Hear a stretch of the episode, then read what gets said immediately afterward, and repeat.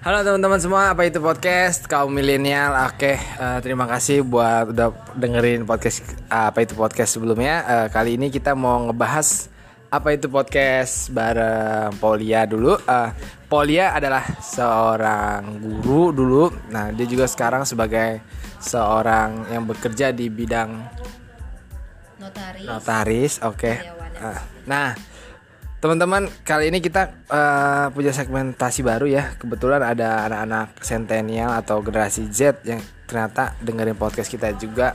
Generasi Z itu generasi di tahun 2000-an ke atas ya lahirnya ya. Ah, oke makasih buat teman-teman generasi Z.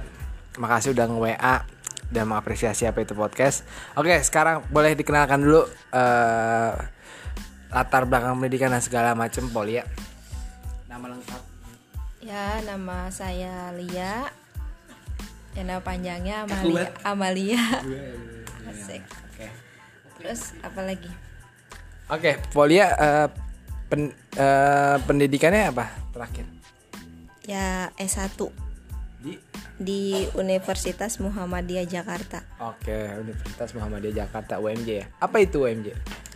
UMJ itu adalah sebuah kampus Kampus ya. kampus yang ya ya ada kemuhammadiyahan ya Oke. Eh, di Muhammadiyah ada fakultas apa aja, Polia? banyak sih ya salah satunya ya pendidikan lah itu dan itu juga gua ada di fakultas pendidikan Oke. Lu, lu di pendidikan di UMJ. Ah. Di U- di UMJ pendidikan nih. Apa sih yang diajarin sama dosen-dosennya? banyak lah a- terutama pendidikan karakter terus juga pendidikan ya tentang apa yang kita ambil. Misal misalnya pendidikan matematika kita belajar tentang angka terus pendidikan PAUD ya kita tentang mempelajari bagaimana cara mendidik anak PAUD. Kalau S ya banyak lah segala macam. Kalau dibilang pendidikan ya menjurusnya banyak gitu Nah, eh, Polia di pendidikan itu jurusannya apa? pendidikan bahasa dan sastra Indonesia Wih, anak sastra coy. Linguistiknya pinter nih. Ah, wa- apa? apalagi Waktu skripsi ngomongin apa Polia? Anak sastra nih.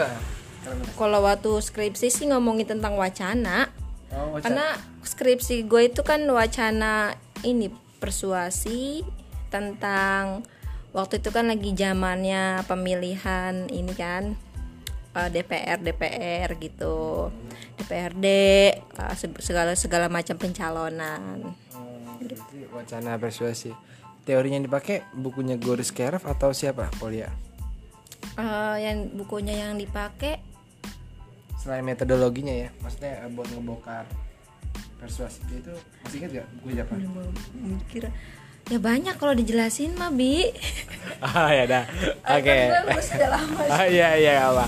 Nah, Polia, apa sih yang paling berkesan selama belajar ilmu pendidikan di UMJ?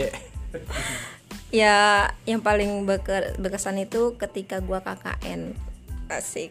Eh, bisa ceritain ke temen apa itu podcast? KKN itu apa sih? Asik. Ya apa itu KKN tuh itu kerja nyata gitu, langsung turun terjun ke lapangan.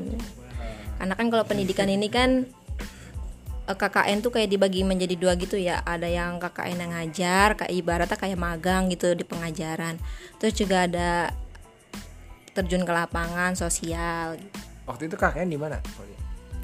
KKN-nya waktu itu di Jogja. Wah di Jogja guys, ini buat anak-anak Jogja boleh lah. Di mananya tuh? Di Gunung Kidul ngelipar Dingin nggak? dingin lah Mau mau apa tuh mau kopi apa mau? Wah, mau mau kenangannya bareng mereka semua asik Oke. Eh, waktu KKN katanya manis ya kenang-kenangan. Nah, apa sih kenangannya? Belum diceritain tuh. ya di sana kan jadi ibaratnya kalau kita ke Jogja terus kita terjun ke daerah pelosok-pelosok gitu. Pasti kan kita yang ibaratnya anak kota lah.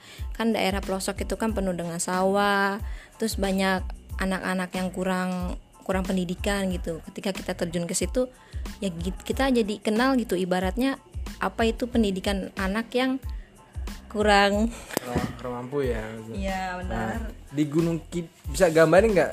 Gue mau tahu setnya sih. Gunung Kidul tuh kayak apa sih? Maksudnya tingginya seberapa dingin terus eh, mahalnya segala macemnya makanannya.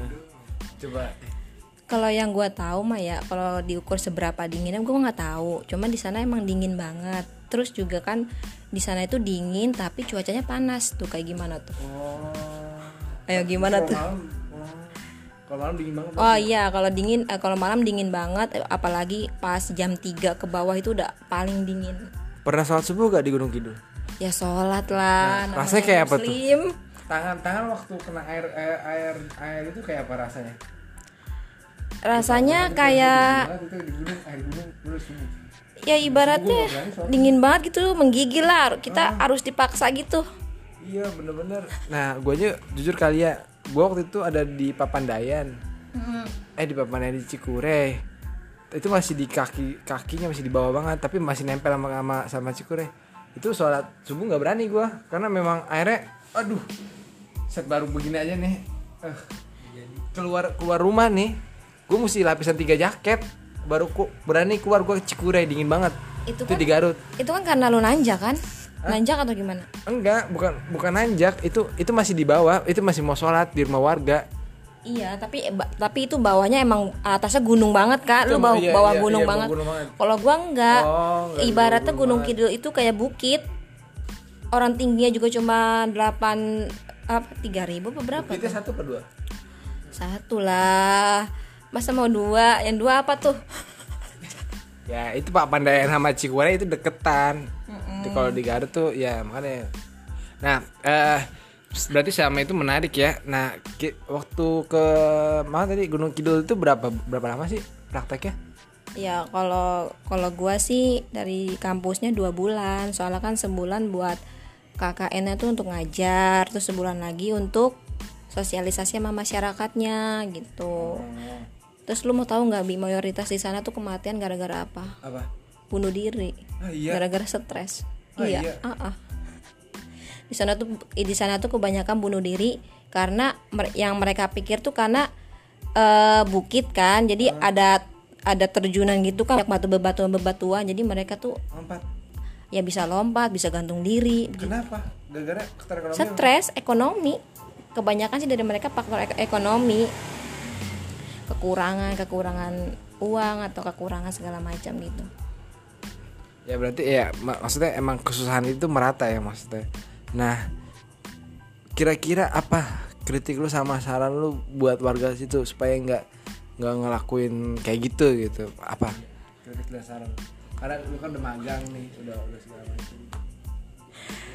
ya sarannya dari gue ya ya ibaratnya kan namanya kita manusia kan ibaratnya kalau stres itu kan sesuatu yang ya wajar tapi kalau kita punya patokan itu kan pasti kita punya pondasi kan untuk diri sendiri coba lebih lebih ke arah ke, ke Tuhannya gitu biar kita ingat Tuhan biar kita bisa punya patokan juga gitu aja sih Nah, kritik lu? Terus saran? Kritiknya apa buat warga situ? kritiknya eh, mas- Komentar, komentar. komentar gue sama, sama masyarakat situ Iya yang udah bunuh diri gitu. Oh komentar gue untuk oh, yang udah bunuh diri Iya. ya gimana ya nggak punya komentar apa apa Kayak gue kenapa gue sih harus begitu gitu. Iya. Nggak ada. di baratnya kalau ditanya kenapa sih harus begitu ya mereka kan punya masalah masing-masing gitu kan kalau komentar ya ibaratnya ya gue nggak punya komentar apa-apa dah buat mereka Nah, komen lain namanya juga hidup ya, masing-masing gitu ya. ya ada. masing-masing aja kalau hidup gitu. Berarti kalau di situ banyak yang bunuh diri ada ya? Maaf deh, ada yang yang kewarasannya hilang ada gak? apanya Yang kewarasannya hilang. Gila. oh stres gitu ada Ada juga ya. ada lah banyak Serem berarti di sana ya? jangan kan di situ di sini juga banyak bi sebenarnya Iya, kalau di sini kan nggak kelihatan. Sih ketutup ya. Tutup. karena kita mayoritas banyak ya, ya istilah keuangannya ada gitu. masih bisa ketutup lah. Iya benar. Ibaratnya. Nah li makasih nih. Udah udah. Gue jadi tahu kondisi gunung kidul tuh kayak apa. Nah li eh, menurut lu nih eh dari lu selama mengajar apa li yang lu dapet li makna apa yang lu lu kan udah ngajarin banyak nih Iya. murid-murid lu. Lu punya beberapa ribu orang murid lu. Yang nggak sampai beribu sih Ya. paling ratusan gitu. Ya, udah banyak tuh. Nah apa yang lu tangkap setelah lu ngajar itu? Kesimpulannya apa sih? Jadi kesimpulannya untuk diri gue sendiri ya gue itu bisa memahami arti kesabaran. Terus bisa bisa juga memahami karakter orang. Ya kan jadi kan kalau kita mengajar itu kan berinteraksi jadi gue sebenarnya senang banget sama mengajar ini kan. Gue bisa berinteraksi sama orang terutama anak-anak. Karena yang gue ajar tuh anak-anak. Gue jadi bisa eh, bisa memahami oh mereka pengennya ini oh mereka pengennya itu gitu. Emosi mereka tuh jadi gue tahu kayak gimana gitu. mengatasinya juga kayak gimana gue tahu. Eh, ya pokoknya banyak dah. Berarti emang passion lu ngajar ya? ya ngajarin bocah gitu ya. iya sebenarnya mak. Ya Emang itu. udah emang udah seneng sama ngajar Nah, eh, waktu lu ngajar suka dukanya apa nih? apa Suka dukanya. suka dukanya ya kadang kalau ngajar ya ya kadang kita sedih lah kalau ngelihat anak-anak itu eh, kalau mereka apalagi kurang da- kur- kurang kasih sayang dari orang tuanya gitu memahami karakter anak-anak maksudnya gitu ngerti nggak sih Iya, iya, iya. Jadi kalau misalkan ada anak yang murung di, di dalam kelas gitu kan, pasti kan kita tahu sebagai guru kan, karena kita kan orang tua kedua dari mereka kan. Nah habis habis kayak gitu, pasti mereka kan kalau kita dia murung kita samperin lah. Ah, bener. mereka nanya, eh, mereka diem aja gitu pasti kan ada satu paling ada masalah keluarga. Itu paling yang paling gua sedih tuh kalau ngeliat anak-anak sedih gitu kan. Oh, an- anak-anak kecil bisa se sesedih itu ya. Maksudnya kalau lagi bisa ke bawah gitu masalah di rumah ternyata gue kira orang dewasa doang kan anak kecil kan ya maksudnya pikirannya Happy belum gitu terlalu ah, sampai sampai kayak gitu bisa ya? Iyalah ngaruh psikolog mereka karena mereka kan ngerekam. Dari kecil aja mereka udah ngerekam gitu di dalam rumah tuh orang tua tuh misalkan berantem pasti ke bawah lah ke ke eh, ke, ke tempat sekolah gitu kan. Mereka bukannya belajar efeknya satu kalau nggak mereka bandel mereka murung di kelas terus nangis itu. Biasanya anak-anak yang bandel itu biasanya mereka anak-anak yang biasanya nih dari keluarganya mungkin kurang ada kasih sayang atau berantem atau gimana gitu. Nah lu biasanya kalau selain deketin gitu penanganan biasanya kan kalau deketin juga ada orang yang ah mm, marah gitu segala macam kan? Iya dong.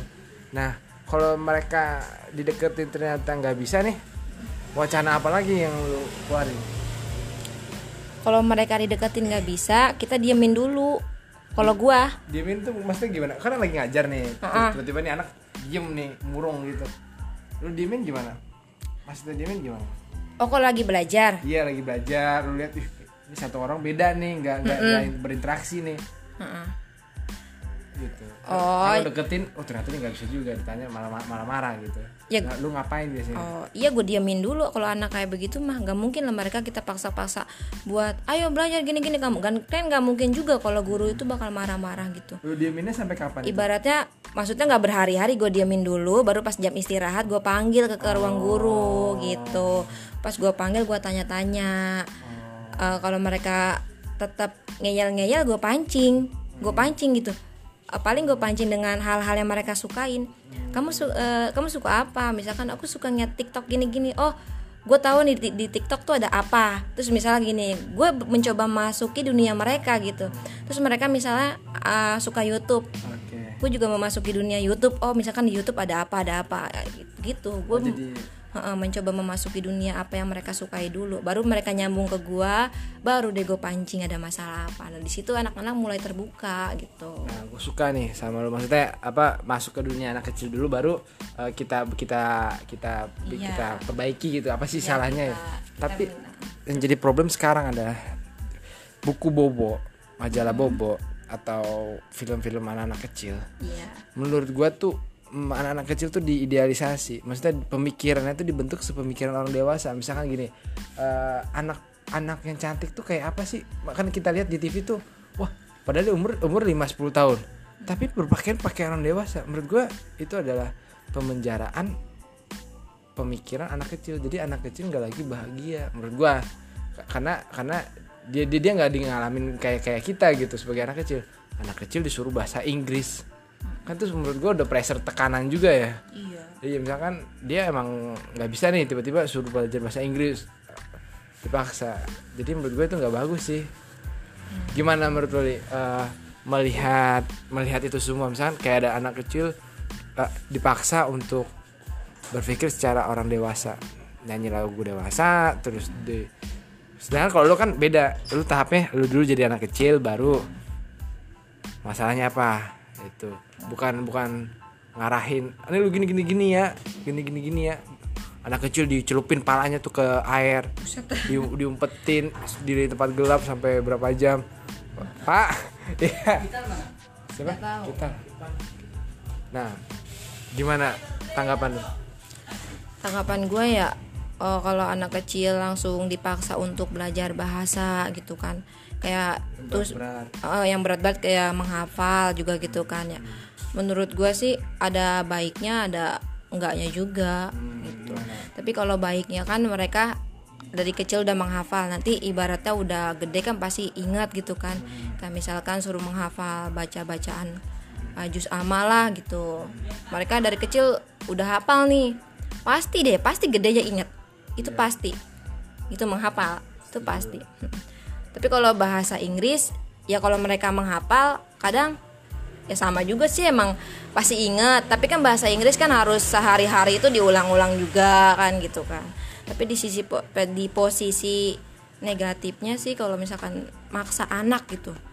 Anak yang misalnya umur 3 tahun terus harus udah bisa belajar belajar ini tuh les bahasa Inggris les bahasa inilah macam-macam les lah harus bisa menulis harus bisa baca itu tuh pasti udah besarnya tuh bakal males-malesan Jadi males ya. Nah, Jadi nah misalkan itu, misalkan ada anak kecil nih umur 4 tahun, didanain sedemikian rupa pakai rok pendek, rok mini, terus pakai make up, sebagaimana cantik menurut orang dewasa. Lu setuju gak sama itu? enggak sih Enggak ya? enggak lah Kenapa? Ya karena Lu kan guru nih. iya karena dunia mereka bukan itu gitu emang itulah kesenangan orang tua mereka gitu kan kesenangan orang tuanya untuk mendandani biar jadi ini jadi jadi cantik lah jadi ya jadi ini tapi mereka tuh sebenarnya ya dunia anak-anak gimana sih bermain lah Jangan digituin ya. Ah, ah, dunia anak-anak kan masih pengen mereka tuh pengen masih bermain sama teman-temannya bermain ini kan ya Yang jadi problem ya, masalahnya sekarang tuh anak kecil ternyata didanain juga demen begitu padahal juga kan bukan begitu yang benar. iya terus Nah, menurut lu gimana? A- a- apa sebaiknya anak kecil tuh jangan dikenalkan dulu yang gitu-gituan apa apa iya. karena nanti misalkan dia umur umur umur 3 tahun misalkan udah didandanin pakai rok mini segala macam. Lah gede gimana SMP? iya sih SMA-nya gimana gitu? Ke westernisasinya masuk ke barat-baratan. Menurut lu gimana nih?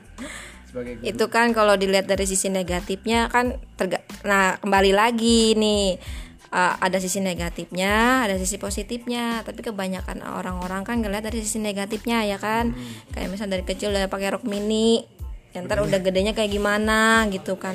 Tapi kan ya ada juga ada juga yang pengen juga anak kecil pakai baju muslim dari kecil pakai jilbab gitu kan. Sebenarnya menurut gue sih nggak bagus gitu ya.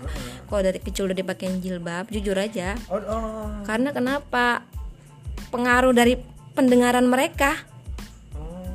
Conge jadinya ya? bukan conge juga anjir. Maksudnya gimana? Ya, ya pendengarannya ya kurang gitu, ya ke namanya filter ya, ke filter ya. Iya gitu dah Pendengarannya ya rada-rada nanti lah Itu sih menurut gue ya Tapi kalau lu pada denger ini menurut kalian kan beda-beda Gue kembaliin lagi ke kalian semua Nah, oke, sekarang kita ngomongin modern. Sekarang banyak apartemen dibangun, taman bermain berkurang, banyak lagu-lagu dewasa, lagu anak berkurang. Nah, tanggapan lu gimana? Duh tanggapan gue miris banget sumpah demi Allah.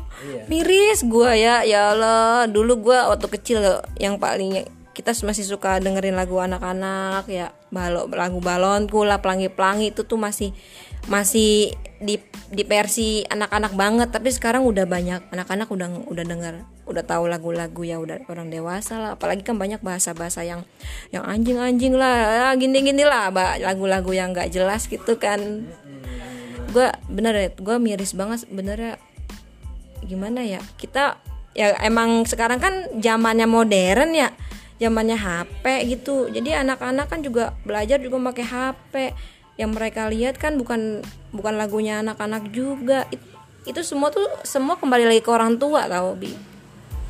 Kembali lagi ke orang tua. Karena yang mendidik anak itu sekarang orang tua bagaimana cara mereka memperlihatkan HP misalkan kalau HP yang disetelin lagu apa-apa TikTok macam-macam gitu kan kembali lagi sama orang tuanya gimana cara mereka mendidiknya di rumah gue miris banget bener dah lagu anak-anak tuh kayak disampingkan banget Di- Sampingkan banget ya. Udah nggak ada. Kalau dulu kita masih denger mana bolo-bolo. lah iya itu bener Sekarang lagu anak apa gitu? apa ya Apalagi zaman covid begini. iya bener Lagu-lagu galau semua. Kayak, kayak bangsa kita bangsa galau gitu seakan-akan. Bener gak sih? iya bener Nah, oke li. Ah, lu se- selain jadi guru kan gue denger nih lu sekarang jadi notaris nih bener gak? Iya, ben- bukan bag- da- bukan sebagai notarisnya sih, maksudnya karyawan Ah, notarisnya. ya, karyawan di notaris. Nah, di di di notaris tuh apa sih li lembaga-lembaga apa aja yang berkaitan sama sama notaris? Biasanya Ya, gue jelasin dulu sih notaris tuh apa gitu. Pasti kan anak-anak yang SMA itu kan pasti ngomong notaris tuh apaan sih gitu kan. Dulu juga gue juga gitu. Notaris tuh apa? Nah, notaris itu eh, ibaratnya pejabat yang mengesahkan kayak akte tanah gitu. pejabat pejabat pemerintah apa pejabat apa? pejabat jadi sebenarnya tuh notaris itu kayak ibaratnya eh ketua nih ibaratnya kayak ketuanya yang menandatangani lu mau buat misalnya lu pengen punya tanah gimana caranya lu bisa biar punya tanah ini Sah. Heeh, pasti kan ada pelantaranya yaitu notaris yang mengurusi semuanya itu notaris akte tanah notaris terus akte kelahiran notaris tuh Berarti, lagi. berarti lembaga-lembaganya apa aja yang berkaitan dengan itu semua? Ngurusin tanah, lembaga apa? Ngurusin akte kelahiran, lembaga apa? Ya. jadi itu sebenarnya eh, itu itu itunya nyalurnya ke BPN sih Badan Pertanahan Negara Anak, kalau anak, akte, akte kelahiran, akte kelahiran kan apa-apa badannya? apa? Aduh, gue juga stres di bing lu nanya-nanya begini karena kan gue jujur gue gue masih gimana ya? Gue tuh masih karyawannya ya. Jadi untuk masalah-masalah ke itunya belum terlalu memahami gitu. Gue taunya Nah, lu gitu. biasanya kalau ke BPN itu ngurus tanah apa sih yang diurus? kadang kan balik nama gitu, Ah, balik nama sertifikat. Ya, gitu deh. Hmm. Apalagi? Nah, biasanya ngurus-ngurus kayak gitu menurut lu birokrasi di negara kita susah apa gampang? Ya ada yang susah, ada yang gampang. Nah, gampangnya itu gimana, susahnya gimana? kalau gampangnya itu kalau ada orang dalam susahnya itu kalau kita nggak punya orang dalam anjir deh ada ya, lama ya maksudnya dalam dalam dalam mobil ya, bukan dalam dalam apa ya? Da- dalam itu maknanya multi tafsir ya guys. Tapi dalam yang menurut dia ini dalam dalam mobil gitu jadi kalau di dalam mobil ada orang jadi gampang disetirnya gitu. Itu beda beda maknanya ya guys. Tolong jangan sampai salah mengartikan. Seperti kata-kata dungu di, di dalam Rocky Gerung itu artinya nggak bisa menjalankan pemerintahan. Ya benar. Itu bukan bukan menghina itu nah sama kayak orang dalam ini menurut dia beda tafsir ya. Biar nggak salah tafsir buat orang-orang yang nanti bakalan menjelang. Oke. Pokoknya hasbi aja. Oke guys eh, sekarang kita ke kesimpulannya. Polia eh, ada gak satu pesan khusus buat anak-anak milenial supaya teman-teman milenial terus berkarya? Terus berkarya ya? Ayo teman-teman kalian itu punya semangat yang tinggi banget pastinya ya. Untuk memajukan Indonesia ini tuh. Asik ada Indonesia juga anjir. Kalian tuh harus menumbuhkan semangat kalian. Nggak boleh males-malesan gitu. Terus kerjakan apa yang kalian kerjakan. Jangan kerjakan tuh memilih-milih Polia kalau seandainya Polia dalam keadaan susah nih dalam keadaan susah biasanya Polia ngapain sih? Supaya Polia bisa bangkit lagi terus lanjut lagi berkarya. Apa yang biasanya yang Polia lakukan? Kalau dalam keadaan susah. Iya, dalam keadaan sedih banget oh dalam keadaan misalkan buntu banget itu pikiran ya. Ya ya kalau pikirannya buntu banget ya kembali lagi ke sejadah lah. Ngapain lagi? Ya kan? Benar dah kita tuh nggak boleh berpanutan sama orang. Intinya kalau kita lagi sebenar-benar sedih lagi benar-benar kecewa gitu sama keadaan hidup gini-gini ya kembali lagi ke sejadah. Tuh, lihat aja udah sejadah itu lihat. Berarti berarti bener ya kata orang, maksudnya kata orang bijak tuh apa namanya? Kata dan sajadah tuh kadang bisa menyelesaikan masalah. asik. Bener gak sih? iya bener banget itu bener membuat hatinya menjadi tenang selesai kan Berarti ke agama. Berarti eh, oke, satu kata lagi. Ada gak satu kata terbaik yang kali kalian pakai banget nih? Da, moto ah. uh, mm, apa ya perjuangan itu adalah perjalanan benar gak sih ya ibaratnya kayak gitu ya Terus love is struggle cintailah perjuangan kamu dan hargailah perjalanan kamu Asik. Oke, thank you Polia.